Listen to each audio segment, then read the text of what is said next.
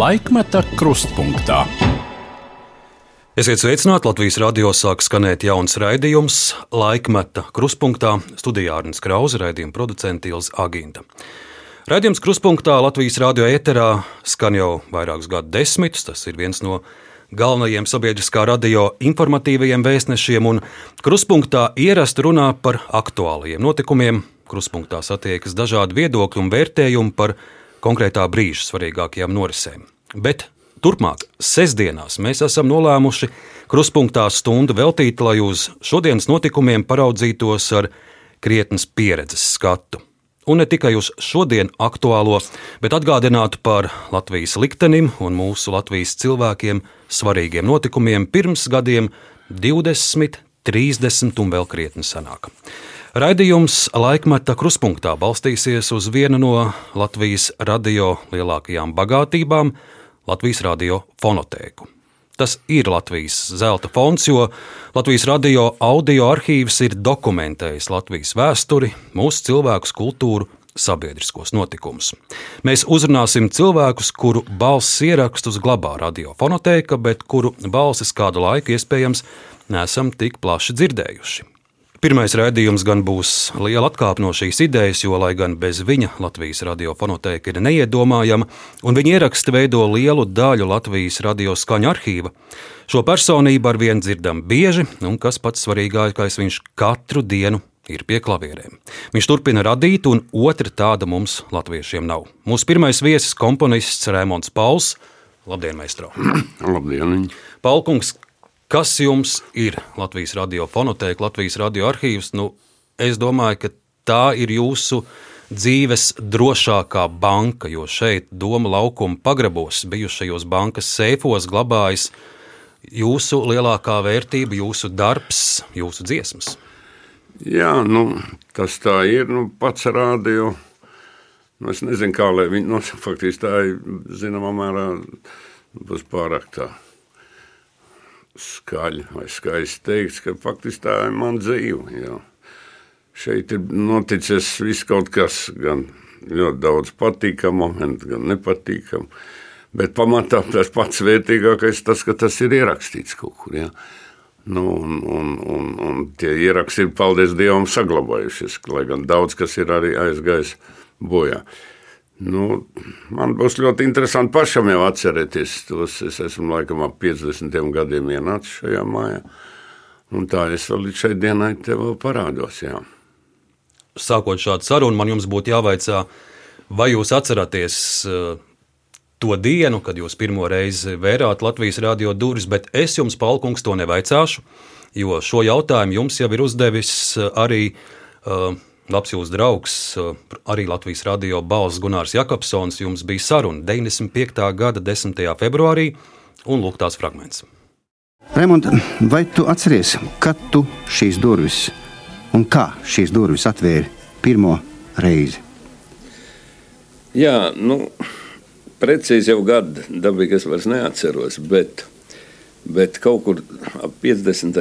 gadiem es mācījos valsts konservatorijā. Toreiz jau spēlēja visādi džeksīši un vieglo muziciņu. Un tad mēs sākām lēnām garā domāt, ka vajadzētu kaut ko ierakstīt. Un tā sākās. Toreiz mums bija tāds instrumentāls sekstets, faktiski tas pirmais, pirmais mm, latviešu tāds instrumentāls ansambls ja, pēckara gados, kas sāk tādu zināmā mērā profesionālu darbību radiofonā. Dabīgi pateicoties toreiz manam pedagogam un lielajam latviešu komponistam Jānim Ivanovam, kurš bija mākslinieckais vadītājs radiofonā, un arī lielu lomu nospēlēja toreizējais mūzikas redaktors Valentīns Nikolājevs. Tā kā mēs toreiz sākām galīgi jaunu puikas, Egīls Švārds, Edvards Ābels, Kauns Gunārs Kušķis, Slaveckis, Haralds Brando. Apmēram tāds bija mums tas pirmais sastāvs. Un otrais sastāvs eh, tas bija tas trio? Tas jau bija vēlāk, kad es sāku spēlēt tādu instrumentālu muziķiņu. Trijotā, teiksim, klavieris, bass un bungs. Un iespēlēja ļoti daudz visādas fonu mūzikas, radiofonu bija pils ar maniem, maniem ierakstiem. Tā es lēnā garā faktiski radio, runāsim atklāti, toreiz kļuva par manām otrām, otrām mājām. Es te pavadīju milzīgi daudz laika, arī satiku Gunāru Jākapsonu, toreiz vēl Jā. jaunu, jaunekli, tādu gados, jā, ļoti tādu kustīgu vienmēr un, un runājošu. Un daudz te bija daudz interesantu cilvēku. Un daudz profesionāli strādāja teiksim, pa mūzikas līniju. Ringolds Ore, Džederts Rāmans, komponists Greenblats. Kaut kā bija pieņemts, ka pa skaņa režisoriem vajadzēja strādāt kompozīcijas fakultātes studentiem. Ja? Un te mēs diezgan jautri dzīvojam. Mēs ne tikai rakstījām mūziku, mēs šo to vēl citu arī darījām pakluso. Bieži vien no rādio aizietam jautrā prātā. Spēlējām naudas. Jā, mm, tas patiešām tā bija. Bet eh, vai tu mm, neparakņātos, tā teikt, atmiņu labirintos un mm, neatcerētos, eh, kad tad tappa pirmais ieskaņojums lentē un pirmais izskaņojums ēterā? Es zinu, ka es tikai kaut ko toreiz teicu savai mammai. Es teicu, tu zini, ko tu kaut ko dabūsi dzirdēt par rādio, ko es esmu rakstījis. Ja? Priekš manim tas bija fantastisks notikums. Toreiz, ja? Sēdēt mājā, kad pirmo reizi pieteicis man uzvārdu un vārdu un spēlēs tas un, e, un dziedās, man liekas, vai tā nebija Butāna Valentīna, ja? Kas dziedāja vienu no manām pirmām dziesmām, pēc tam sāk Uh, arī Edgars Zveja, ja, kas bija tajā laikā teiksim, tas populārākais mūsu estrādes dziedātais, ko mēs atradām uh, operetes teātrī. Ja, un, un tādas dziesmiņas, kā, kā mēs tikāmies martā vai mm, ziemas vakars. Un, un, un, man liekas, tā pirmā bija neaizsūtīta vēstule.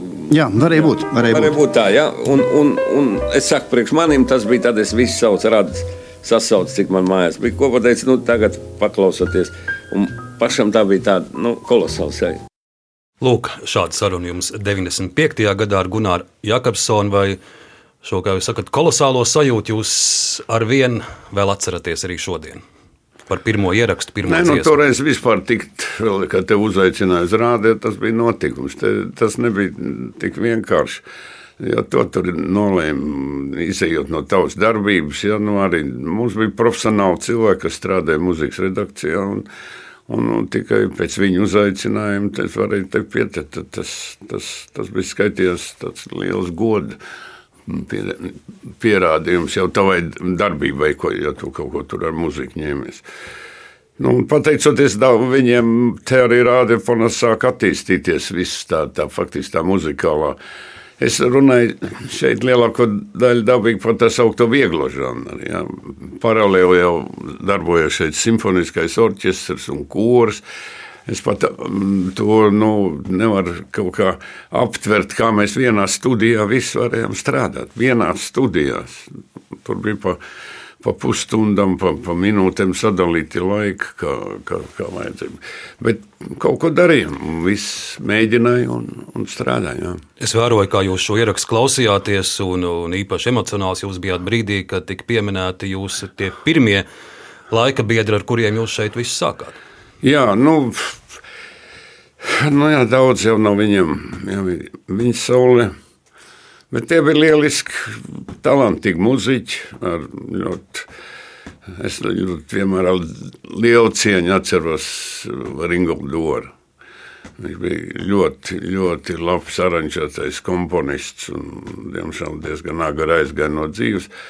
Viņam bija ļoti labas attiecības. Viņš arī šo to bija aranžējis, kas vēl ir saglabājusies, rāda no to jūti, kas viņš bija pa, pa meistaru. Arī tiksim, tāds tā laika viens no tiem modernākiem komponistiem, kā Grīmplats.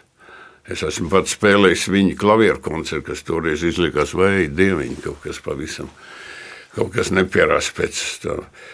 Nu, šeit viss, kas tika piedzīvots, gan, gan visādi interesanti radio vadītāji, un viss kaut kas te bijis. Jā. Maestro jums bieži sarunās, protams, tiek vaicāts arī par jūsu pašu pirmajiem soļiem mūzikā, un iespējams viena no pirmajām intervijām, kur šis jautājums tika uzdots, ir 69. gada uh, saruna, kur jūs intervējat Zintra Krašauska, un viņa vaicā par uh, to, kad jūs pirmo reizi piesēdāties pie klavierēm. Paklausīsimies šo fragment. Šī ir viena no pirmajām jūsu intervijām Latvijas radio 69. gads. Vecmāmiņa labā, dusējamies dabā, mēs šajā vakarā. Atsniedz man roku, eh, tavu joku, atkal te dur un sāp. Palēnām tikai pamazītēm pie joda, kas tad tas? Ņķis kaulos vecos sāpē, jau plecos, ai, ai, ai, ai, ai. Tagad apsolītā intervija ar Raimondu Paulu. Kad jūs pirmo reizi piesēdāties pie klavierēm? Pareizāk sakot, man piesēdināja. Ja? Tā būtu teikt. Nē, nu, to ir grūti atcerēties. Lai gan man māte runā par to, ka tas ir noticis četru gadu vecumā. Ja mans tēvs kādreiz vienkārši strādnieks spēlēja uz dejām, bungas, vienkārši tāds bija mūzikas mīļotais. Viņam gribējās, lai es arī mācos violu spēlēt, bet pat cik man toreiz speciālisti, kuriem man vecāka aizved, pateica, ka man ir kā esot parasniem pirksti, lai labāk mācoties klavieres. Nu, labi, jau atsākot no, no četru gadu, viņi man sāka ar mocīt. Mm -hmm. Un jums patīk spēlēt? Nē, tādīs gados noteikti ne. Kāds jums bija aizraušanās tajā laikā? Nu, kas viss, kas var būt, nu, kas var būt puikiem manos gados. Es dzīvoju pie aerodroma, tur bija visādas interesantas lietas. Teiksim, pēc kara, tur mēs skolā taisījām. To labāk nemaz negribas atcerēties, tur visādas uguņošanas un spridzināšanas. Bet, nu, tas laimīgi viss ir garam, bet man nekādā ziņā neinteresē tas spēlēt klavieres. Un tad, kad jūs bijāt mazs, jums estrās muzika patika? Es atceros, kad mans tēva brālis vienreiz kaut kā lūdza, lai es vairs nevaru nospēlēt, bija ļoti populāra. Toreiz tās melodijas no kinofilmas Saules iemēs serenādi. Viņš man dziedāja priekšā un liklēs uz klavierēm, nu es ar drusciņu spēlēju, nu kā, nu, cik tur toreiz tānis gados. Uh, un es mēģināju kaut ko viņam tur spēlēt līdzi. Un beigās es iemācījos arī. Kā nu toreiz es spēlēju. Un pēc tam man sāk skolā, tur tā bija tikai man nelaime. Man vajadzēja visām klasēm spēlēt vienmēr, ka bija deju vakar un tā tālāk. Lūk, maestro, tādas jūsu atmiņas par jūsu pirmajām gaitām pie klavierēm. Balsts timbrs kaut kāds. Nu, intervijas brīdī jums 32 Vai gadi. dieviņ, vai dieviņ. Nē, nu, apmēram tās tas varēja arī būt. Jā, jā, to jau tikai pateicoties tēvam, kas man spied faktiski to darīt. Nu, tā arī tur sākās lēnā garā. Jā. Savus vecākus jūs intervijās eh, pieminat bieži ar, ar labu vārdu, un, un jūs arī teicis, ka pēc visas tās diezgan trauksmainās jaunības jums pašam bija ļoti svarīgi, ka viņi, piemēram, varēja pieredzēt to, kas notika dziesmu svētkos, to, kas notika meža parkā un to, to lielo tautas cieņu un mīlestību pret jums. Vai, paldies Dievam, ka tas viss tā pagriezās. Jo nedod Dievs, ja tas būtu turpinājies, kas tur vienlaikus bija tie sauktie jaunības, tie dūluma laiki. Ja? Bet, mm, kas bija saistīti ar tādam ballišu spēlēšanām un iedzeršanām. Bet, nu, es no tā kaut kādā veidā tiku vaļā. Un labi, ka tas dziesmu svētku man piedalīšanos pirmo reizi. un To, kas tur notika, es domāju, tas kaut kādā veidā tas bija paldies arī maniem vecākiem. Jā. Maestro vēl viens īsts fragments no 69. gada intervijas. Es domāju, tā, kad estrādes muzikai pats galvenais uzdevums ir uzlabot cilvēku garstāvokli, uzturēt cilvēkā labu garstāvokli. Man liekas, ja ir labs noskaņojums, arī viss pārējais tad sokās daudz labāk. Nu, konkrēti jūsu dzīvē. Nu, es pats esmu, nu, ko man, man tas ir mans darbs, rakstīt, eh, rakstīt estrādes muziku, radīt prieku citiem cilvēkiem. Vai man pašam, nu, tas ir mans darbs. Visi jūs pazīst, cied jūs dziesmas. Kā jūs jūtaties tādā godā? Sevi šo mūziku. Redziet, popularitāte jau ir tāda lieta, tā ir ļoti ātri pārējos. Šogad patīk manas dziesmas, nākamā gada patīk citu komponentu. Es strādāju muzikā, jau ir tā nelaime, kad tā ļoti ātra dziesma apnīks. Varbūt tāpēc, ka viņi pa daudz bieži raida, varbūt tāpēc, ka viņi pa daudz dzied. Bet nu, gal galā jau laikam arī nevar neraidīt. Labāk jau ir, kad viņas pieprasa raidīt, nekā viņas nevienam neinteresē. Bet ļoti nepatīkami un ļoti žēl no vienas puses, ka tā dziesma, kurā varbūt kādreiz ir ielikts diezgan daudz, varbūt pašam no savas tādas. Savas, savas jūtas ir jau cilvēkiem viena. Un to jau jūt, jo gal galā tāpat tas es, tāpat tas arī visi klausītāji noteikti grib kaut ko dzirdēt vienmēr jaunu. Šāds jūsu pārdoms par popularitāti, par estrādes mūziku, par dziesmas mūžu tālajā 69. gadā. Jā, nu tā, nu tā tas dzīvē ir. Jā, nu, tur es jau neko nepareizi nesu. Nu, tāds ir tas sauktās populārās mūzikas liktenis un vispār. Nu, mākslā jau arī ir nāk, tas modes mainās, ja, un tas viss ir. To tev jārēķinās, ja, kad, kad, kad gadi iet uz priekšu, nāks Vai tā kāds varēja iedomāties tajos gados, kad nāks uz skatuves pussaplēstiem džinsiem, jā, kaut kādas čībās, kaut kāda karekla, kur, kur likums bija, ka tev bija jā, jābūt vai nu frakai vai smokingam, ja tev jā, bija jāizskatās. Nu, tas šodien jau viss ir sen nomiris. Bet vai kāds varēja to laiku iedomāties, ka, piemēram, Raimons Pauls pie klavierēm arī repos? Nē, nē nu, Riņķi apkārt jau dabīgi arī šajā žanrā, es, kā jau es te minēju, kaut kādā zināmā mērā tā modes lieta un jāseko, kas, kas tur. Man jau nu gan te nesu šiem repiem cauri vienkārši man mēģinājumu laikā, kad es tur kaut ko teicu aktieriem vai kaut ko tur pats it kā mēģināju dziedāt, viņi ierakstīja pa klusu.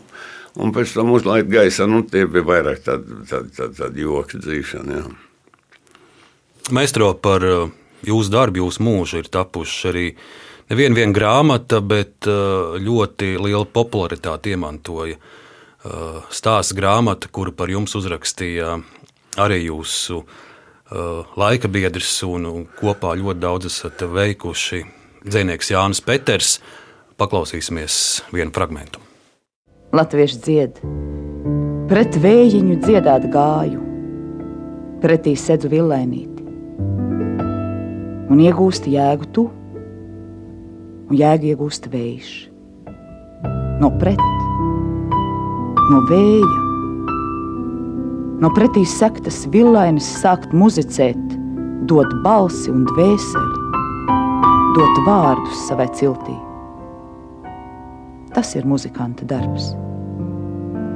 Tās ir muzikanta saldās važas un mūžīgā verdzība. Reiz jau dzīvojis, muzikants turpinās, un viņam ir 46 gadi. Un ar katru jaunu gadu viņa dzīvē viens gads nāk klāt. Bet, kad to gadu atšifrē, tad tā ir jauna mūzika. Tā tad aizvien dzirdamāka balss zem šīm skaņu piešalktajām debesīm. Dzimis Svētdien, 1936. gada 12. janvārī. Latvijas precējies viena meita beidzis Latvijas valsts konservatorijā profesora Hermaņa Brauna klavieru klasi. Tajā pašā augstskolā dažus gadus studējis kompozīciju pie profesora Jāņa Ivanova. 1983. gada ieraksts eh, Raimons Pauls grāmatas radio variants, režisors Imants Krastīņš, teksta autors Jānis Peters, lasa Lilita Ozoliņa, Arnolds Liniņš un Gundars Āboliņš. Jums pašam vēl šīs grāmatas kāds eksemplārs grāmatplauktā ir mājās? es, es vienkārši, ja jau pieminu Jānu Peteru, nu, es nezinu, man vispār dzīvē laimējies ir ar viņu satikties, jo viņš jau nav ne, ne, mācījies muziku, neko, kā viņš sajūt to, ka arī ne tikai mūzika. Es domāju, tā bija liela personība arī mūsu lielajos politiskajos notikumos, un tā tālāk. Un tā tālāk un bija viņš viens no līderiem savā laikā. Un, Jā, nu, viņam ir viņ, kaut ko dievs devis. Es nezinu. ar viņu. Mēs jau līdz šai dienai šo to mēģinām darīt arī tagad Ziemassvētkos, kaut ko mēs tur izdarījām. Bet nu, viņi, tad, tad, es nezinu, viņi parunā, tur tad var uzzināt par visu, par visu Latvijas rakstniecības vēsturi, par visādiem notikumiem, ko viņš zina. Tas ir ļoti interesanti. Nu, jā. Es, kā jau es minēju, viņu, kā es minēju, šai grāmatai par jums bija liela panākuma toreiz. Vai atceraties to darba procesu pie, pie šīs grāmatas, kā viņa tappa?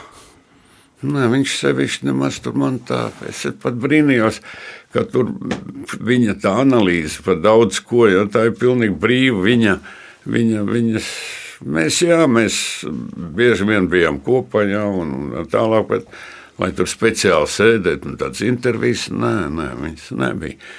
Bet, nu, tādīs notikumās viņš, viņš arī bija tas, kurš mani, um, ja, nu, kā lai to saka, tā zolīda ne, nevis ievilka, bet pārliecināja, ka arī manī kaut ko jādara tajā periodā, ko sauc par tautas atmodu.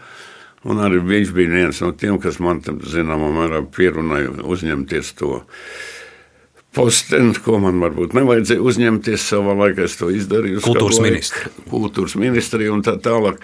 Tur, tur, tur nu, viņš gribēja, tur, lai savu cilvēku, nu, viņš tā cerēja, ka es tur arī varēšu kaut ko izdarīt. Un, nu, mēs sākumā mēs ļoti aktīvi metamies iekšā šajā visā procesā, bet, nu, Maistro pie atmodas gadiem mēs vēl nonāksim, bet tagad vēl paliksim 70. gadu beigas. Jūsu vide, jūsu sadzīve, kā to grāmatā ir dokumentējis Jānis Peters, vēl viens fragments komponista darbistaba. Es neesmu te pirmo reizi šī nepilnā 30 km2 telpā, kur top rodas, tiek izspēlēts instrumentā, pierakstīts notīs, viss, ko sacer Latvijas pēc tautas mākslinieks Raimons Pauls. Pirms tam šī istaba stāvēja Kalnciem ielā, vēlāk Pērnavas ielā, iepratīm Grīziņa kalna kokiem, un tagad te starp ģertrūdu un daili, starp zemi un debesīm gaisā. Ienākot pa durvīm, neba jau pa logu ielidojot, redzam komponista pakausi tikpat spītīgi kā tēvam.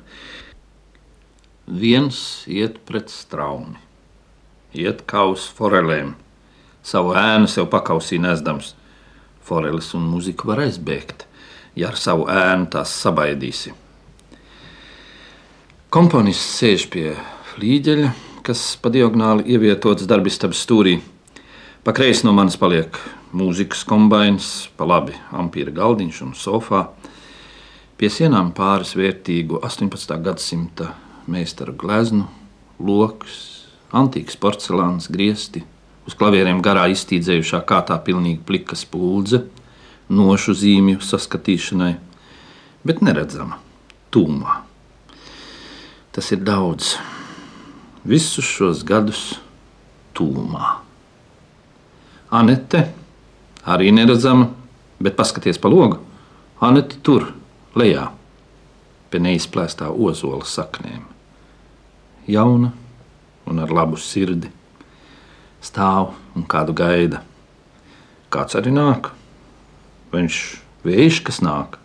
Lai viņš būtu kas būdams, reiz teica Raimons Pauls, kad tikai viņam nepasētu manas drēbes. Te tev nu bija Tu mēģini būt nopietns, viņš ne. Viņš ņem un grauj visu kopā. Zvans Krastīņš par tiem tekstiem, par to mēģinājumu, par to braucienu. Zvani Ivans Ivanovičs. Viņš esot sajūsmā, vairāk arī neko nesot gribējis pateikt. Viņam vienkārši trūkstot vārdu. Lai braucot ciemos par godu Raimondam Valdemārovičam tādu balvu sataisīšot. Ah, vispār, nu, ko tur teikt, laipni lūdzam ar visu ģimeni. Zvaniet Gars Liepiņš, zvan no Maskavas, no centrālās televīzijas, no Visavienības rādio, zvan Tallinn, Leņņģerāda, Kijava, Maskava, Viļņa, ielūdz, raksta visu Latviju.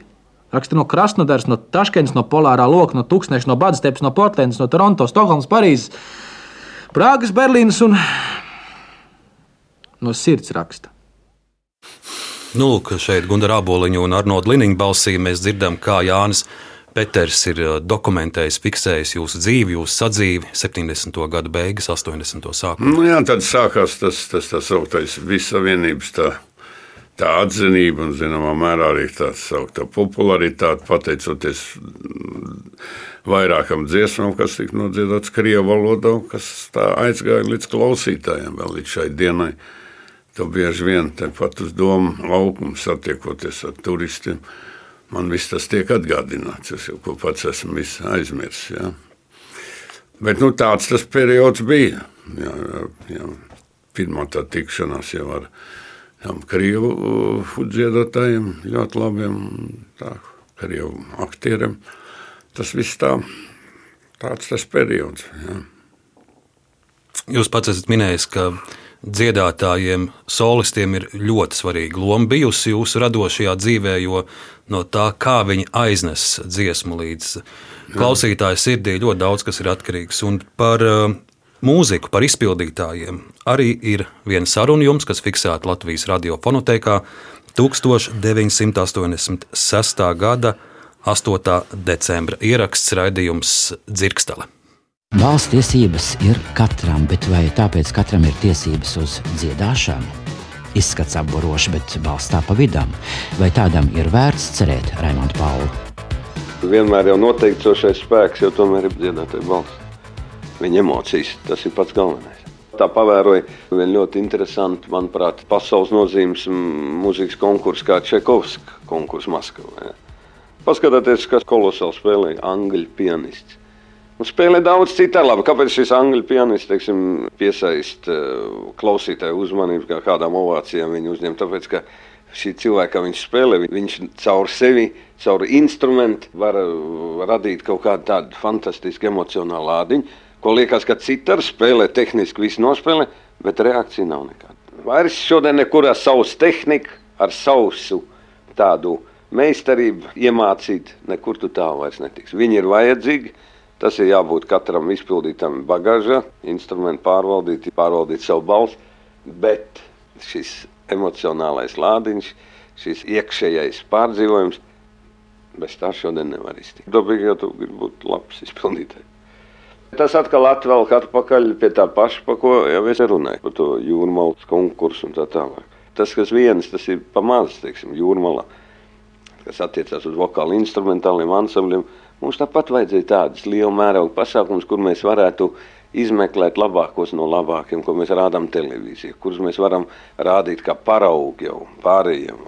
Te vajadzētu aktīvu, jo kopīgiem spēkiem mēs jau vienu republiku nevaram. Mēs eh, bijām ļoti priecīgi, ka varējām sadarboties kopā kaut vai ar centrālo televīziju, kas taču tomēr ir vissvarīgākais moments. Dziedātāji propaganda un vispār iepazīstināšana ar to milzīgo auditoriju, tiem simt miljoni, ja ne vēl vairāk, skatās to. Es domāju, ka vērts būtu izanalizēt milzīgi daudz, ko mēs te tagad saņemam pēc šī konkursa vēstuļu un ar milzīgi tādām pretrunīgām atsauksmēm. Vieni, kas ir simtprocentīgi par to, otri pretim izanalizēt to un, un tomēr darīt savu lietu. Jo es uzskatu, ka šī forma ir vispareizākā un viņu vajag tikai attīstīt tālāk. Pie viņas vajag nopietni piestrādāt, jo neko jaunu mēs neizgudrosim. Maestro Lūk, šāds fragments. Uh, Raids Kalniņš jūs intervē pirms 35 gadiem, oh. bet uh, sarunas temats aktuāls ar vienu un arī tos pašus vārdus var teikt arī šodien par to, kā atrast labākos no labākajiem. Nē, nu jā, nu, tas meklējums, nu, citu ceļu mums nav kaut kur arī teiksim, mūsu Latvijas mērogā. Tāpat mums arī jāmeklē, un mēs jau tur meklējām un darāmies. Nu, kādi tie rezultāti tādi ir? Nu, skaidrs, ka mums klasiskā mūzikā mūsu dziedātāji un diriģenti gājuši daudz tālāk, ja, kas attiecas uz pop mūziku. Nu, pagaidām Te jāklusē, ja, kas mums ir, tas ir, ja, bet iziet tādā pasaules tirgu vēl, nā, laikam, nav nevienam izdevies. Ja, nu, nu, cerēsim, ka kādreiz parādīsies, parādīsies. Bet viņš ir jāmēģina, to tā ir, tā vajadzīga tā attīstība, visu laiku jānotiek, tur jāieslēdzās televīzijai, tur rādio visiem kopā par to, ja grib, ja grib. Es personīgi tagad atkal ieslēdzu savā koncertu programmā. Es ieslēdzu pilnīgi jaunu meiteni. Es viņai ļauju padziedāt, jo es jūtu, ka tur varbūt ka tur kaut kas sanāks. Varbūt. Kā un kur jūs atrodat savus solistus, kur jūs viņus saklausat? Kādi ir tie veidi? Es, nu, agrāk mēs vienkārši, es atceros, ka mēs orķestri meklējām tos izpildītājus, Man mūzika, es teicu muzikantiem, kas strādāja tur pa laukrēm, es saku, ja jūs kaut kur dzirdiet, kā, kaut kādu balsu pasaku, lai viņš atbrauc. Un tādā veidā mēs nonācām, starp citu, līdz Norai Bumbierim, mēs nedzējai kukulei. Tad viņi visi nāca no pašdarbības kaut kādiem tur klubiņiem, no, no, no kaut kādiem ansamblišiem.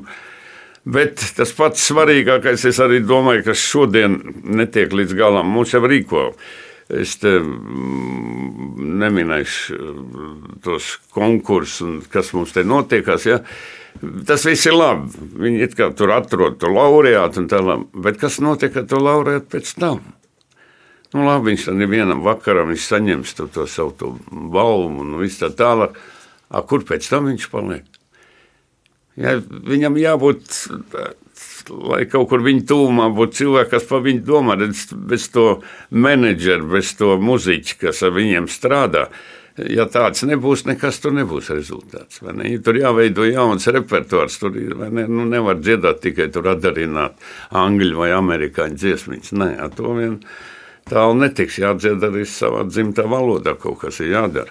Nu, jūs šajā 86. gada intervijā pieminat arī jūrmālas konkursu. Nu, mēs zinām arī, kā pēc tam tur dažādi līkloči bijuši ar šo jūrmālas nu, mēs... festivāliem, bet uh, tas sākums arī pie, pie šiem jūrmālas konkursiem jūs bijāt klāt. Un, un tur arī bija nu, jā, nu, mūsu izpildītāji Igo jāpiemina, piemēram. Kā tad? Nu, kā tad? Tas ir pirmā, mēs mēģinājām kaut ko atdarināt līdzīgi Sopotai. Jā. Tā Sopota padomu laikam priekš mums bija neliels notikums, tāpat kā Sanremo tur pa naktīm skatījās, lai tikai varētu kaut ko redzēt. Un tāpat arī mums izdevās to jūrmālā kaut kādā veidā kopā ar to Visavienības televīziju izveidot šo pirmo, pirmo konkursu, kurā, starp citu, Fomins pirmais uzvarēja ar lieliem panākumiem toreiz, un tas konkurss ieguva jau tādu. Viņš bija interesants kaut vai tādā ziņā, ka tur no tām sauktajām visām republikām, ja, tur brauc dažādi, dažādi tautību da, izpildītāji, tas Un, un, man liekas, tas nebija slikti. Nu, viņš pēc tam dabīgi tika apstādināts, pēc tam viņa restaurēja, pēc tam atkal izraisīs. Neiesim tur runāt par visām tām, tām diskusijām, kad dēļ kura vispār tas konkurss tika aiztaisīts ciet. Vai tas bija pareizi vai nepareizi, es par to negribu nemaz diskutēt tagad. Uh, Bet nu, kaut ko viņš deva. Viņš, piemēram, deva, ja, ja nebūtu tas konkurss, tad droši vien būtu busulis, piemēram. Ja? Ne, ko mēs toreiz pierunājām, nāca dzied un, un uzstājas piedalās. Tā kā nu, vajag uz to reāli skatīties. Ja? Tur nevajag tur pīt politiskās kaut kādas lietas klāt. Šī gadījumā šeit runiet par dziedāšanu. Ja? Tik tālu par dziedāšanu, maistro, tagad parunāsim par grāmatām. Cik daudz laika jums sanāk veltīt grāmatām? Nu, tā nē, tagad nē, es vispār kaut kā, kaut kā, kā tā pēdējo grāmatu, ko es lasīju, eh, ko Gunārs Ābolis tulkojis, tas ir tas no muzikanta dzīves, kurai daudz, daudz asprātīgu momentu, eh, ko rakstīts tas Maskavas muziķis tieši pat dzīve simfoniskā orķestrī un visam tam nebūšanām un būšanām un visiem tiem duliem gājieniem, kas ir tur piedzīvot. Tur daudz kas līdzīgs ir mūsu, es viņam lielu baudu. Ja, ja, ja, ja man kaut kas simpats, nu dabīgi tas, tas zināms tautības autors ir grāmatai un tur arī parādās tās tautas spēcīgā tā īpaši, teiksim, anekdotas un humors. Meistro par grāmatu lasīšanu 1983. gada 3. Ne, 7. marta intervijā jums eh, raidījumā mikrofons vaicā arī Lieja Guļevska. Lūk, fragments. Vai jums atliek laiks lasīt arī romānus? Ļoti maz. Un, ja arī, tad droši vien šo romānu autori ir rakstnieki vīrieši. Nē, ziniet, es, eh, man interesē bieži vien kā sievietes raksta par vīriešiem. Tas ir daudz interesantāk. Jā, nenoliedzam droši vien, ka tas tā ir, bet, ziniet, man arī ļoti patīk viena rakstniece sieviete, Regīna Ezera. Un tā kā šodien tomēr ir arī mana svētku diena, zināmā mērā, es e, gribētu jūs lūgt iejusties dialogā, kuru mēs varētu sadalīt šodien pa lomām. Regīnas ezers romāns pat ar savu vēju, otrā daļa nodevība. Jūs būtu ar mieru? Nu, ja jau jūs man pierunājat vispār piedalīties šajā pārēdē, tas nozīmē, ka padod vēlnam, tas ir padod sievietei mazo pirkstiņu, viņš paņems. Visu roku lūdzu, esat tik laipni sniedziet man vēlreiz to un. Nu, man atliek tikai nopūsties. Būs tagad galvenais mikrofona diktors. Es tā jūtu.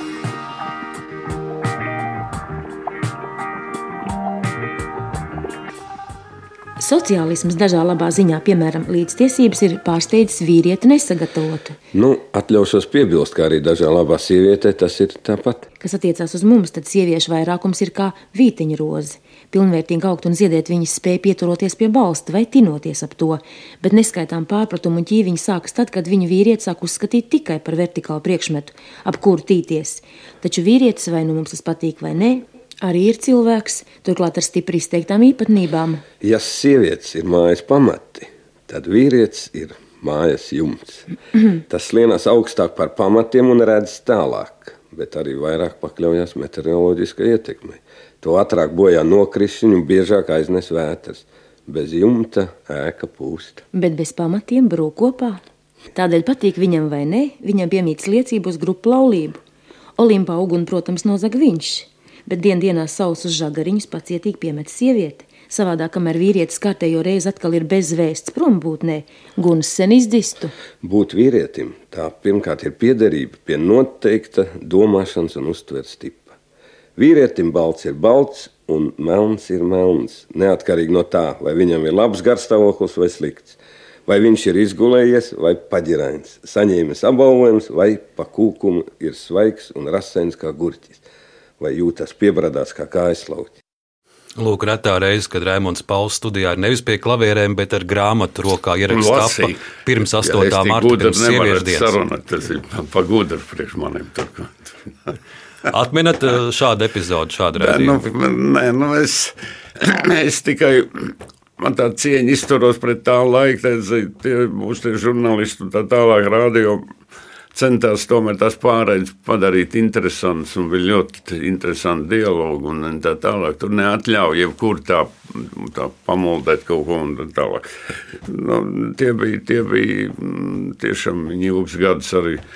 Es atceros to pašu Raitu Kalniņu. Viņam bija ļoti interesanti satikties. Ja, tas cilvēks, kam bija sirds lieta, tas, tas radio pārējais. Nu, jā. Jūs pieminējāt eh, šos interesantos dialogus. Nu, man pašam klausoties šos ierakstus, viens ļoti interesants dialogs, eh, kas jums bija kopā ar Lietu Guļevsku, eh, likās, un lūk, šī dialoga fragments. Tests Tikai desmit jautājumi, jā. jāatbild, protams, man Jāatbild vīrietim. uz kādiem noteikumiem. Simts punktu sistēma atbildot pēc vislabākās sirdsapziņas, lūdzu, vismaz šodien. Ja? Es nosaukšu jautājumu, jūs ciparu kā pats sev vērtējat. Un pēc tam jūs skaitīsiet visu kopā, ja būs ko skaitīt. Jā, es mēģināšu. Kas tie ir par jautājumiem? Tātad, pirmais. Vai jūs parādat uzmanību savai sievai, dāvinat viņai kādreiz ziedus, vai atceraties viņas dzimšanas dienu, kāzu jubileju, vienlaikus būdami maigi? Divi punkti. Otrais. Vai vienmēr ievērojat likumu nekritizēt sievu citu klātbūtnē? Septiņi punkti. Trešais. Vai bez naudas saimniecības vajadzībām viņai dodat arī summu, kuru tā drīkst tērēt pēc saviem ieskatiem? Deviņi punkti. Vai jūs pūlaties saprast viņas mainīgo sievietes garstāvokli, palīdzat viņai nogurumu un sapīkumu brīžos? Nulle. Vai pavadāt ar sievu kaut pusi no sava brīvā laika? Viens punkts. Vai atturaties no salīdzinājuma, kā gatavo ēdienus jūsu sieva un kā tos gatavo jūsu ģimenē līdz jūsu kāzām? Desmit punkts. Vai jūs izrādat zinām interesi par viņas intelektuālo dzīvi, grāmatām, kuras viņa lasa, viņas uzskatiem attiecībā uz dzīves problēmām? Nulle. Vai jūs ļaujat viņai dejot ar citiem vīriešiem, tāpat saņemt no viņiem draudzības apliecinājumus no savas puses, neizsakot greizsirdīgas piezīmes? Astoņi punkti. Vai vienmēr izmantojat gadījumu, lai viņu paslavētu un izteikt viņai savu brīnu? Viens punkts. Vai pateicaties viņai par nelieliem pakalpojumiem, piemēram, pogas piešūšanu, nošu sakārtošanu un tam līdzīgi? Viens punkts. Tā, tagad saskaitīsim kopā, vai, vai varbūt labāk neskaitīt. Es domāju, tā ar vienu noteikumu, lai visi vīri sarēķina arī savus punktus un atsūta. Un tad mēs paskatīsimies, kāda nu mēs esam. Labi. Lūk, šāds fragments ierakstīts pirms 38 Jā, jo, gadiem. Nu, visādā ziņā tur ir kaut kas domāts un kaut kas mēģināts padarīt varbūt savādāk tas standarts, standart, tas intervijas. Nu, nu, jā, tā ir, bet Mēs uz šo fragment varam ra- raudīt, raudzīties, protams, arī caur joku, bet, eh, ja pavisam nopietni runājam, tad, protams, mums šai sarunā ir jāpiemina Lana, jūsu dzīves biedre un, un jūsu galvenais plecs visas radošās mūža garumā. Nē, nu jā, viss tas mēs izgājām no tāda. Kā lai to pareizi formulē vispār visu to sākam būtībā ar nulles variantu, vispār kā tas viss tur sākās. Daudz lietas nemaz Tas toreizējo situāciju, kas attiecās uz mani, mēs nemaz runāt, šodien nemaz negribas par to atcerēties. Bet sākums bija tāds, kad, kad, kad um, mums bija, nezinu, kāpēc bija jāiziet uz to dzimšanas Vajadzēja, nebija liecinieki, tur meklēja kaut ko es nezinu, svešu cilvēku kaut kādu atradu naudas nebija gandrīz nemaz vispār. Sākās tas. Un no tā lēnā garā vis, visam tam iziet cauri. Ja, un, un, un, un kaut kādā veidā nonākt pie kaut kāda rezultāta. Nu, viegli tas nebija, bet viņi visu laiku bija man blakus. Un, Laikam viņi atbrauc pavisam no citurienes, no citas valsts, no citas. Nu, tad tādā laikā gan tā skaitījās viena valsts, bet, nu, bet, bet kaut kādā veidā. Kā viņai izdevās tik ātri iejusties uh, latviešu vidē un, un tik lieliski, jo ļoti ātri apgūt latviešu valodu? Tas ir arī jautājums, ko negribētu sevišķi pacelāt, jo pret viņas izturējās dažos momentos. Viņa bija viena no pirmajām, kas aizgāja tur atbalstīt to savu tautas kustību un tā tālāk parakstīties. Pēc tam vēlāk diezgan neētiski pret viņas izturējās, ka gandrīz vajadzēja tur likt to valodas eksāmenu un tā tālāk. Un tā tālāk lai, viņi, lai gan viņi labi zina latviešu valodu un tā tālāk. Bet, nu, labi, es uzskatu, ka tie periodi tur bija ļoti daudz visādas tādas nebija veiksms, bet bija arī milzīgs daudz, kas attiecās uz tā saucamo nacionālo jautājumu. Tur bija ļoti daudz arī visādas tādas nepatīkamas lietas. Bet nu, to kaut kādā veidā pārdzīvoju. Nu, toties, man tagad tā ģimene, ja sanāk, viņi visi kopā. Jā, starp citu, šodien laikam mazmeita atlidos. Tad tur nu ir tāds nacionālais raibums, ka es tur laikam stūrī. Vienīgais, un, un arī valodu raibums. Jā, viss vajag dieniņu, vajag dieniņu, kad es atceros, ka, ka bija vienreiz tāda primā lūga dēls teātri, kur Pēters Liepiņš ar koklīti. Tā koklī pie restorāna durvīm spēlēja tautas dziesmu, viņā iekšā tur skanēja pavisam cita muzika un citi cit cilvēki tur bļaustījā. Nē, nu tā tas šodien ir, bet, bet es te nekā slikti, ne, nu tāds, mums tāds ir tāds liktenis, mums ir vienmēr bijis jāmācās viena otra valoda. Ja? Mēs ar vienu savu jau neiztiksim nekad. Tas ir vairāk kā skaidrs. Nu, viņi mums mainās. Tad mums ir vācis, tad bija krievi, tad mums ir angļu un tā vienmēr sakot, viss tas iet. Uz arī, bet, nu, man ar, man ar, man sieva bija, nu, laikam mums laimējās kaut kā. Es nezinu, kāpēc, kāpēc mums nav bijuši tādi skandāli lieli vai kaut kā, nu, ir konflikti, daži sīkumi, bet tā ir tie tā mājas, mājas lieta, bet uh, kaut kur, kaut kā mēs mācījām vienmēr kaut kā tā noturēties. Nu, un tāpēc arī jau 60 gadi ir jau, jau, jau kā, kā kopā pabūts. Vēl krietni ilgāku laiku kopā jūs esat ar savu māsu, Edītu Pauls Vīgneri. No, tas ir unikums. Maestro, fragments no 1981. gada 26. jūnija raidījuma dzirkstēls ieraksts. Sakiet, lūdzu, maestro, kā jūs uztverat tos mākslas darbus, kas ir uztverami nevis ar dzirdi, bet gan ar redzi? Es domāju, tā būtu liela pārdrošība man izteikties par gobelēniem, par glezniecību. Es neesmu liels speciālists. Es varu vienīgais pateikt to, kas man patīk, kas man nepatīk. Šajā gadījumā runiet par manas māsas darbiem, tāpēc man ir sevišķi grūti runāt. Kā es slikti teikšu par radiem, tad būs mājas nepatikšanas ar vecākiem. Ja es atkal slavēšu viņu par daudz, tad man atkal vienā otrā vietā pārmetīs, ka tā ir tāda radbušana. Bet nu, to atstāsim pie malas. Es mazliet palīdzēju māsai iekārtot izstādi, un faktiski arī pirmo reizi pats iepazinos ar to, ko dara mana māsa. Es dzirdēju, ļaudis runājumu, ka jūs viņas personāla izstādē esat bijis trīs reizes. Vienu otru reizi es aizvedu arī savus paziņas. Es varēju arī mazliet palielīties, ka manā māsā ir laba izstāde. Un, un, uh, daudz jau, piemēram, nemaz nezināja, ka viņa man māsa, un tas varbūt ir labi. Lai gan uh, viņas atsauksme grāmatai ir diezgan interesants ieraksts. Sargies Raimonda. Nu, es domāju, ka tas tā ir domāts, ka tavu māsa aizies tev garām. Nu, es par to būtu tikai priecīgs, jo es uzskatu, ka to darbu, ko viņa ieliek šajos mm, gobelenos, tas ir pelnījis tiešām lielu atzinību, jo sievietei tas nav viegli. Lūk, šāds jūsu vērtējums par māsas darbu.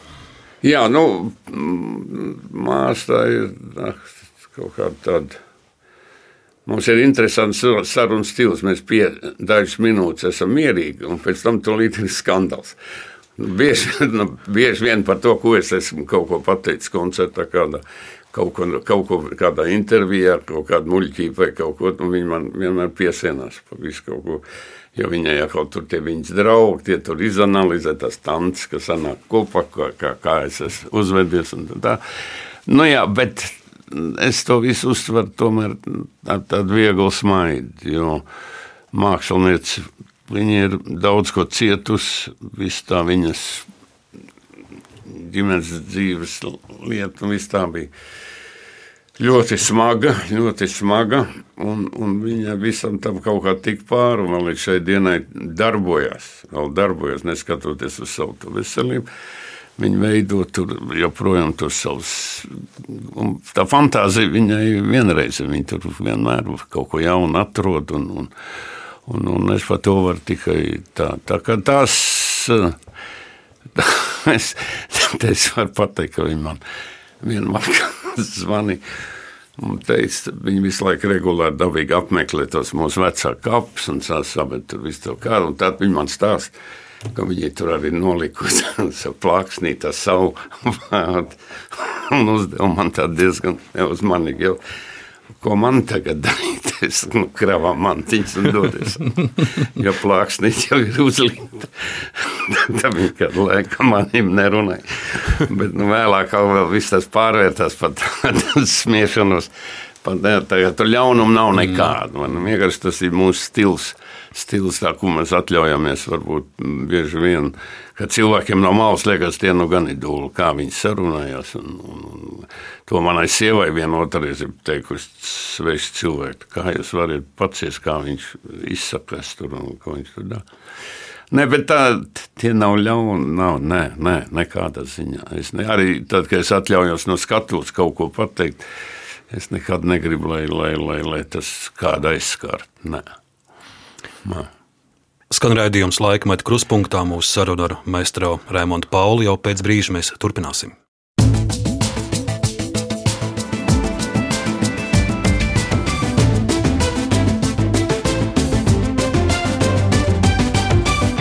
Laikmeta krustpunktā. Mūsu nākamais stāsts par uh, cenzūru, par to, kā tapa mūzika tajos laikos, un par atmodas vēsmām kas tuvojās. Vēl viens fragments no Latvijas radioarkīva. Es nezinu, kāpēc, bet man kādā veidā vienmēr laimējās, jo nevienmēr ja, man ir bijuši arī tādi, teiksim, tas pats bēdīgs slavenais atgadījums ar uh, to dziesmu, kāpēc man dziedāt svešu dziesmu. Ja, nu, viņi faktiski aizliedz, tas bija vairāk kā skaidrs, tad Krūkls uzrakstīja to mežābels variantu. Ja. Bet nu, pēc tam viņi atkal pēc ilgiem gadiem atgriez atpakaļ. Tāpat tās ir bijušas mm, vairākām dziesmām ir mainīti ja? um, nosaukumi. Bet ko es varu šodien tā varbūt tā tādu, uh, nu, tādu zināmā mērā varbūt lepnumu atcerēties, ka es nekad nepiekrītu dziesmās izmantot vārdu partija vai kaut ko tam līdzīgu. Ja? Un pat šodien, ja, mēs viņu noteikti šo dziesmu iekļaušu savā jubilejas koncertā, tā manai pilsētai. Ja? eh, tas manai pilsētai dziesma oriģinālā saucās Liepājai. Ja, tas bija mans veltījuma cikls toreiz, ja tā neskaitā, tur bija gaujai. Ja, uh, mēs dziedājām, mēs dziedājām tādā, tādā, tādā mm, koncertu, koncertu izpildījumā šīs dziesmas. Ja, un tam, pēc tam šo dziesmu izvēlējās par, par mēlāk viņa nokļuva arī dziesmas svētku repertuārā. Bet Tur ir ļoti daudz aizdomīgs rindas, piemēram, tev mūžam brīvai būt. 95. gada 10. februāra ieraksts jūsu saruna ar Gunāru Jakobsonu. Jā, nu, runa ir, cik es saprotu, par tā saucamo cenzūru vai aizliegumu. Jā, viņi bija, nu, bija, ka viņi padomu laikā bija un rādīja, tepat uz vietas bija speciāli cilvēki, bet kaut kā es nezinu, es um, sevišķi tādu kaut kā tur tādu. Izņemot vienu laiku, kad te bija Iverts, bija par, par, par rādio priekšnieku, mēs te paši viens otru labi pazinām, nu, un tā tālāk, un centamies nu, kaut kā atrast tad, tad, tad, tad, tad kaut kādu vidusmēru lai, lai, lai, lai ne, tā dziesma visā tā ziņā, pat arī tādas dziesmas, kas it kā nebija vēl, es atceros no Līju pirmajiem, un tā tālāk, lēnā garā viņas tik un tā iegāja repertuāra, un jā, lai gan bija tur visāds. Bet tur bija viena arī pozitīva lieta visā tā, tā sauktajās kontroles. Ja nu, nepieļauj diletantiem. Ja, diletantisks teksts, diletantisks dzēja, vai arī e, kontrolē tomēr dziesmas ierakstu kvalitāti, balss, intonāciju. Un tad tālāk es pats tur sēdēju, mums bija tā komisija kas, kas, kas jā, vienam otram nepatīkās, ka pateic, nē, tā dziesma jāpāraksta, tur nav tāda intonatīva, tur var ne.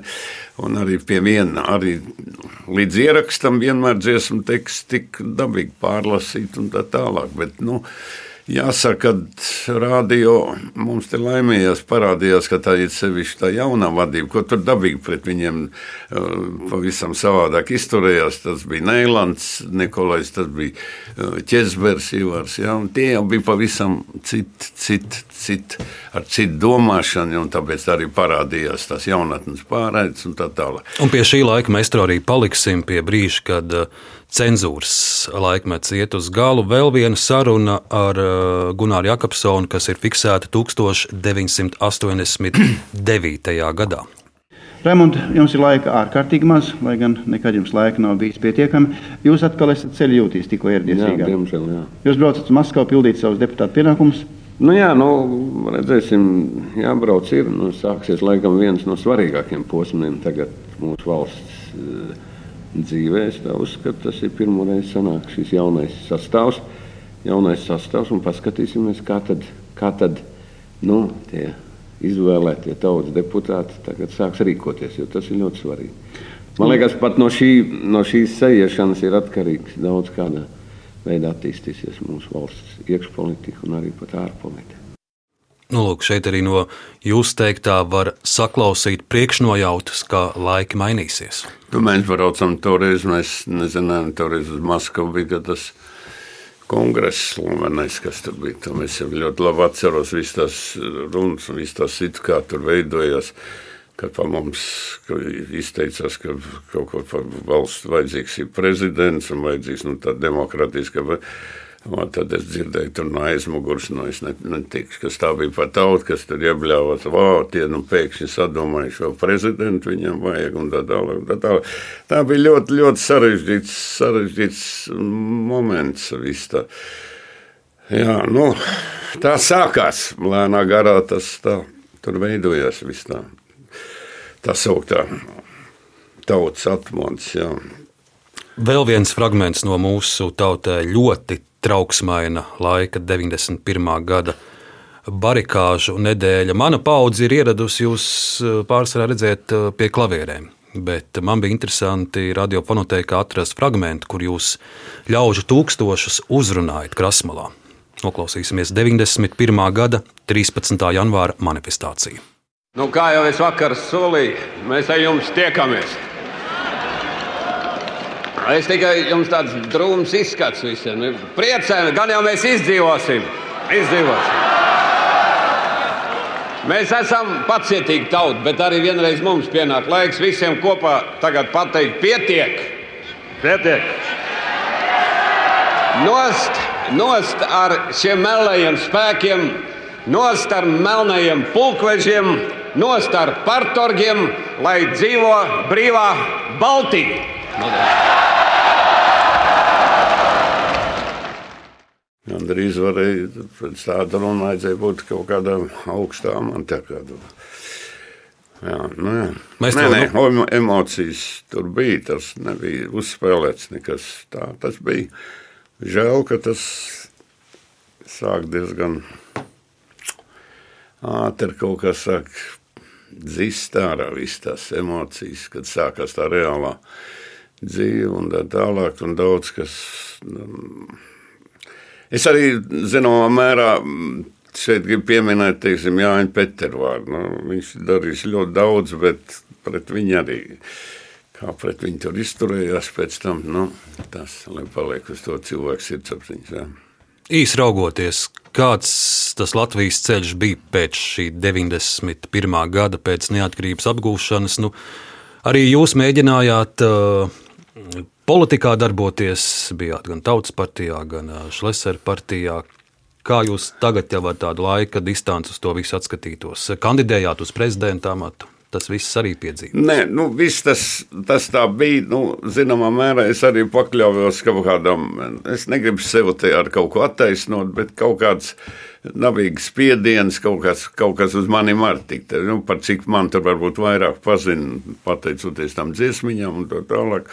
Un mēs tikam bieži vien, bieži vien izmantot, kā jau parastus mākslinieks. Ja, bet, bet reālā dzīve pateica skaidru un gaišu, nu, labāk nodarbojoties ar savu. savu ja, jo politiķim arī jābūt profesionālam gudram cilvēkam. Ja, tālāk nevar būt vienkārši no ielas pēkšņi viņš var sākt domāt, ka viņš vadīs valsts. Tas tā nevar būt. Ja. Es visu to esmu pārdzīvojis. Es tur neko, man vienīgais mierinājums kaut cik, ka es ceru, ka es neko ļaunu sevišķi neesmu sastrādājis ar savu darbu. Es kā kultūras ministrs es gribēju, mm, es gribēju kaut ko drusciņu savādāk, kā es uzskatīju, bet daudz to nepieņēma un skatīja, ka tas nav vajadzīgs. Varbūt, ka man bija taisnība. Tas varbūt šodien ja es tā atklāti izanalizēju to, tad daudzos jautājumos man, man bija taisnība, bet nu, daudz tam nepiekrīt. Man tur visādi saukai gan pa teātru, bendi, pa, pa visu kaut ko tur, viss kas tika darīts. Ja. Bet tas ir tāds amats, ja, nu, un tev ar to bija jārēķinās. Nu, mēs to pārdzīvojam, un tagad mēs no skatāmies no malas jau kā, kā, kā veterāni, kā, kā, kā pensionāri jau uz visu to lietu. Vai mēs pareizi ceļā aizgājām? Nu, tas ir diskutējams jautājums. Tas Vai jums ir izdevies arī pārdzīvot visu to, ko jums nācās piedzīvot ar uh, nesakārtotību Latvijas banku sistēmas uzraudzībā, ko jūs personiski izbaudījāt? Nē, nu, nu, es jau neesmu vienīgais, kas tur ciet no visām tām lietām. Es taču atceros, ka viss tas kā, kā tam bankam tika apzakt, faktiski viss tā nabaga latviešu tautiņam, sākot ar to Baltijas banku, un viss tur gāja pēc kārtas. Ja? Nu, tas, kas tur attiecās uz mani, dabīgi, ka viņi tur naudu man nav devuši un nemaz netaisās atdot.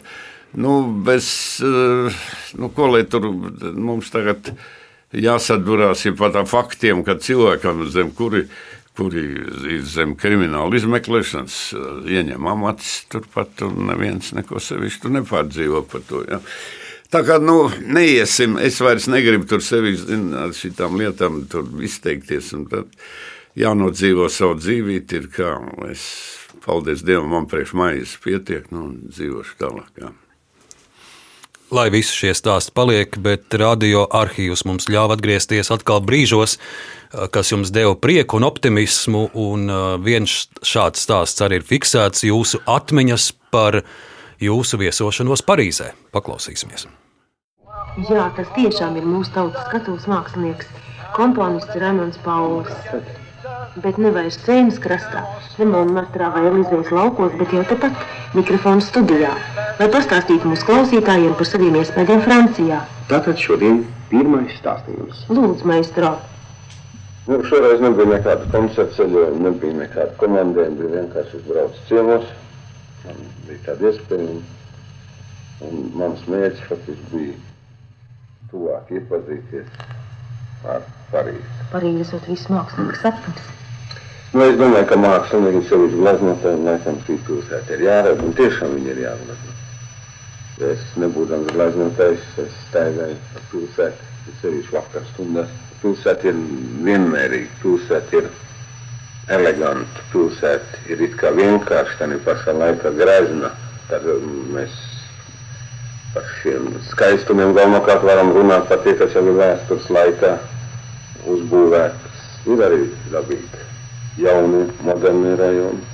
Es teiktu, atklāt, ne sevišķi atšķirās no mūsu rajoniem. Visi cenšas pēc iespējas būvēt lētāk, ātrāk. Bet šis piepilsēts ir nost no viņas netraucē, teiksim, jūsmot par to Parīzi, kādu mēs visvairāk varbūt cienam un mīlam. Bija iegājis slavenajā Parīzes Dilmātas katedrālē, paklausījos, kā skan ērģels, kā skan kurs.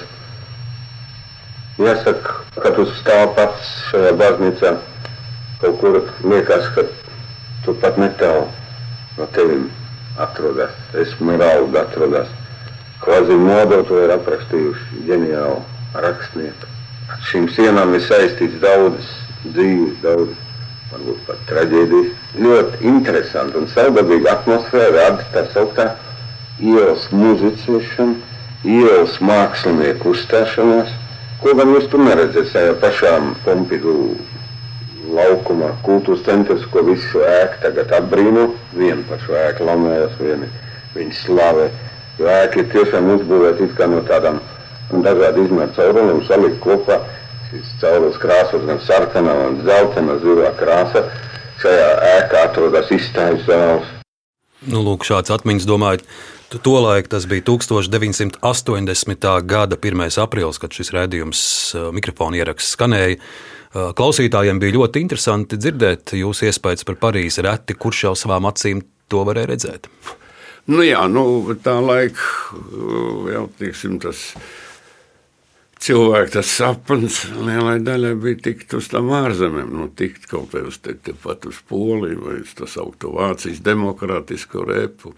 Kā gan te net kādas te kombinācijas netaisa, viss sāk dziedāt aves soli tikai tāpēc, ka aves soli var brauc, brauc uz ārzemēm.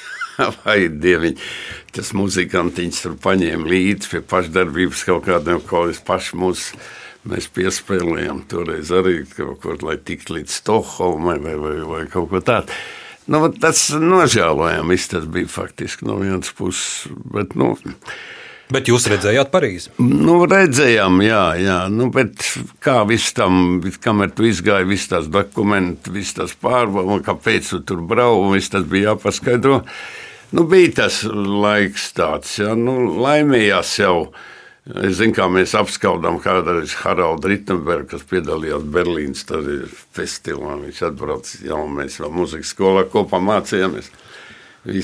nu, nu, tas, nu, ko lai dara? Nu, tāds laiks, tas bija jāpārdzīvo kaut kādā veidā. Nu. Tagad nemaz tā, nu, vienlaik jau rāvās, viss skrien, un tagad ir mācīties Dieva daļa brauc mācīties. Jā. Lai gan es uz to lietu skatos diezgan tā, tā, tā jau es domāju. Jo tik un tā, tev iesūta tur tā dzīve, tev iesūta, pat tu paliec tur, un sevišķi tur meitenes tur saprecās, un viss tas aiziet, aiziet daudz mūsu tādu nacionālu kadru, tā aiziet prom. Nē. Bet, Maestro, mēs vēl paliksim 1980. gadā, un vēl neliels jūsu Parīzes atmiņas. Ja mēs tā atkal no šīs ēkas ieejam Parīzes vecajos kvartālos, kas tur visvairāk saist? Manuprāt, tie ir grieķu, itāļu mazie restorāni. Lai gan nu, ēdienas, teiksim, pāriest vien kārtīgi puķi maksā labu naudu. Nu, kas ir raksturīgs, tas varbūt tāds paralēls varētu ēdienas ziņā novilkt, teiksim, ar mūsu dienvidu republika ēdieniem. Lai gan viņi, teiksim, uz vienu iesumu sadod ne tikai gaļu, bet gan krābjus, gan visādus gliemežus un visādi mošķi. Un es gan viņus eh, nesevišķi lielu gaudēju, bet uh, viss tas cepšanas process un viss, kas notiek tev acis priekšā, manuprāt, kaut kāda ļoti tāds romantisks un egzotisks kaut kur. Un tur arī pilns ir vienmēr ar ārzemju turistiem, ir sevišķi latīņu kvartālu. Lūk, arī tāda. Nu, jā, tas šodien tā ne, noteikti tā vairs par to nejūsmot tur par kādiem kādiem. nu jā, tas toreiz tad tā bija pavisam cita pieeja visai tai, tai, tai lietai. Jā, tur gudroja, kā tur no tās komandējuma naudas kaut ko nopirkt saviem radiem, kaut kādu lētu mantiņu vai kaut ko. Jā, bija tā. Palkungs, mēs nu, te stundas garumā esam tikai ļoti, ļoti mazu ieskatu gubuši tajā, kas par jums un kā jūsu balss ir fiksēta Latvijas radiofonotēkā. Kas jums pašām likās tādi interesantākie fragmenti, ko jūs varbūt bijāt piemirsis no tā, ko jūs esat savulaik teicis, runājis, domājis? Nē, nu, tas ir daudz, kas taču ir aizmirsts. Paldies, ka kāds atrodas cilvēki, kas tur atrod laiku, lai tur izklausīties to visu.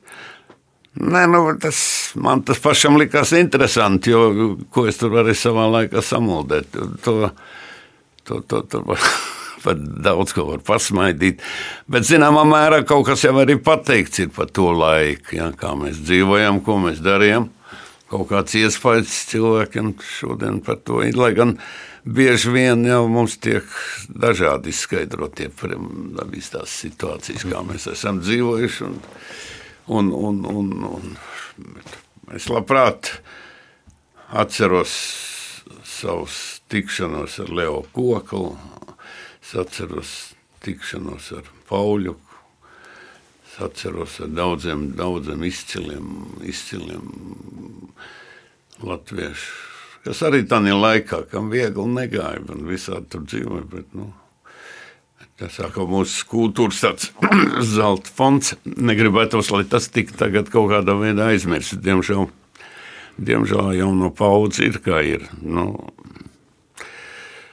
Bet interesanti būtu tomēr to saglabāt. Nu, lūk, Latvijas radioarkīvs daudz ko ir saglabājis. Meistro, paldies jums par šīm atmiņām stundas garumā. Paldies par Jā. sarunu. Un, uh, mums jāvēl arī jums daudz laimes dzimšanas dienā, kuru pēc dažām dienām sekos. Atkal. Pats galvenais jau droši vien veselība, veselība un, un joprojām šo. Tā viena šo... nav beigusies jau nākošai.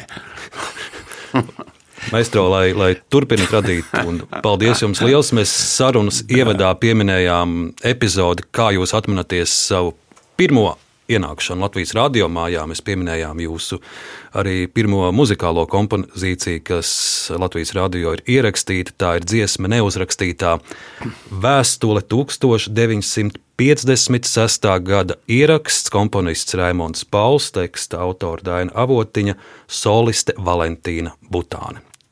Paldies jums! Nā.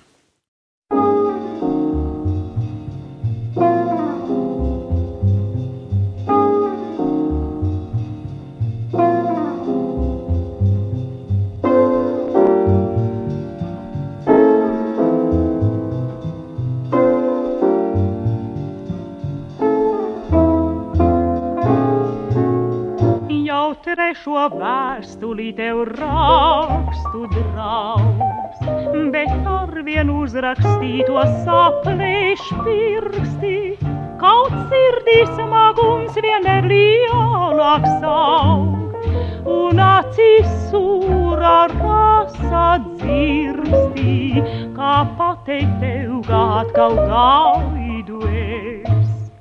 Kā tie bija sīkumi, kādēļ tu gāji, kā arī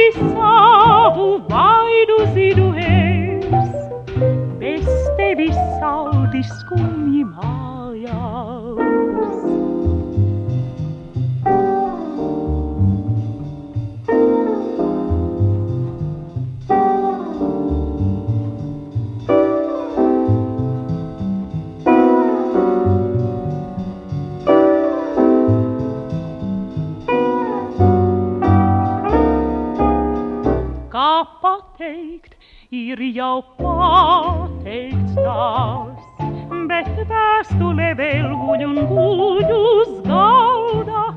Nav viegli vaļā tikt no spītībās, kas krūtīs blakus vīlai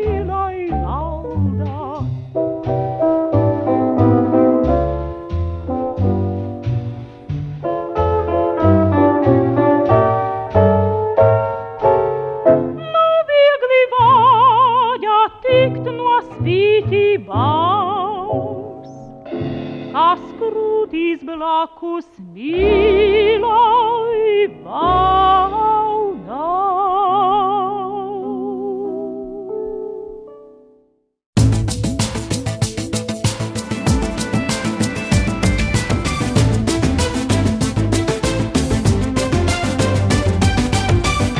Laikmeta krustpunktā.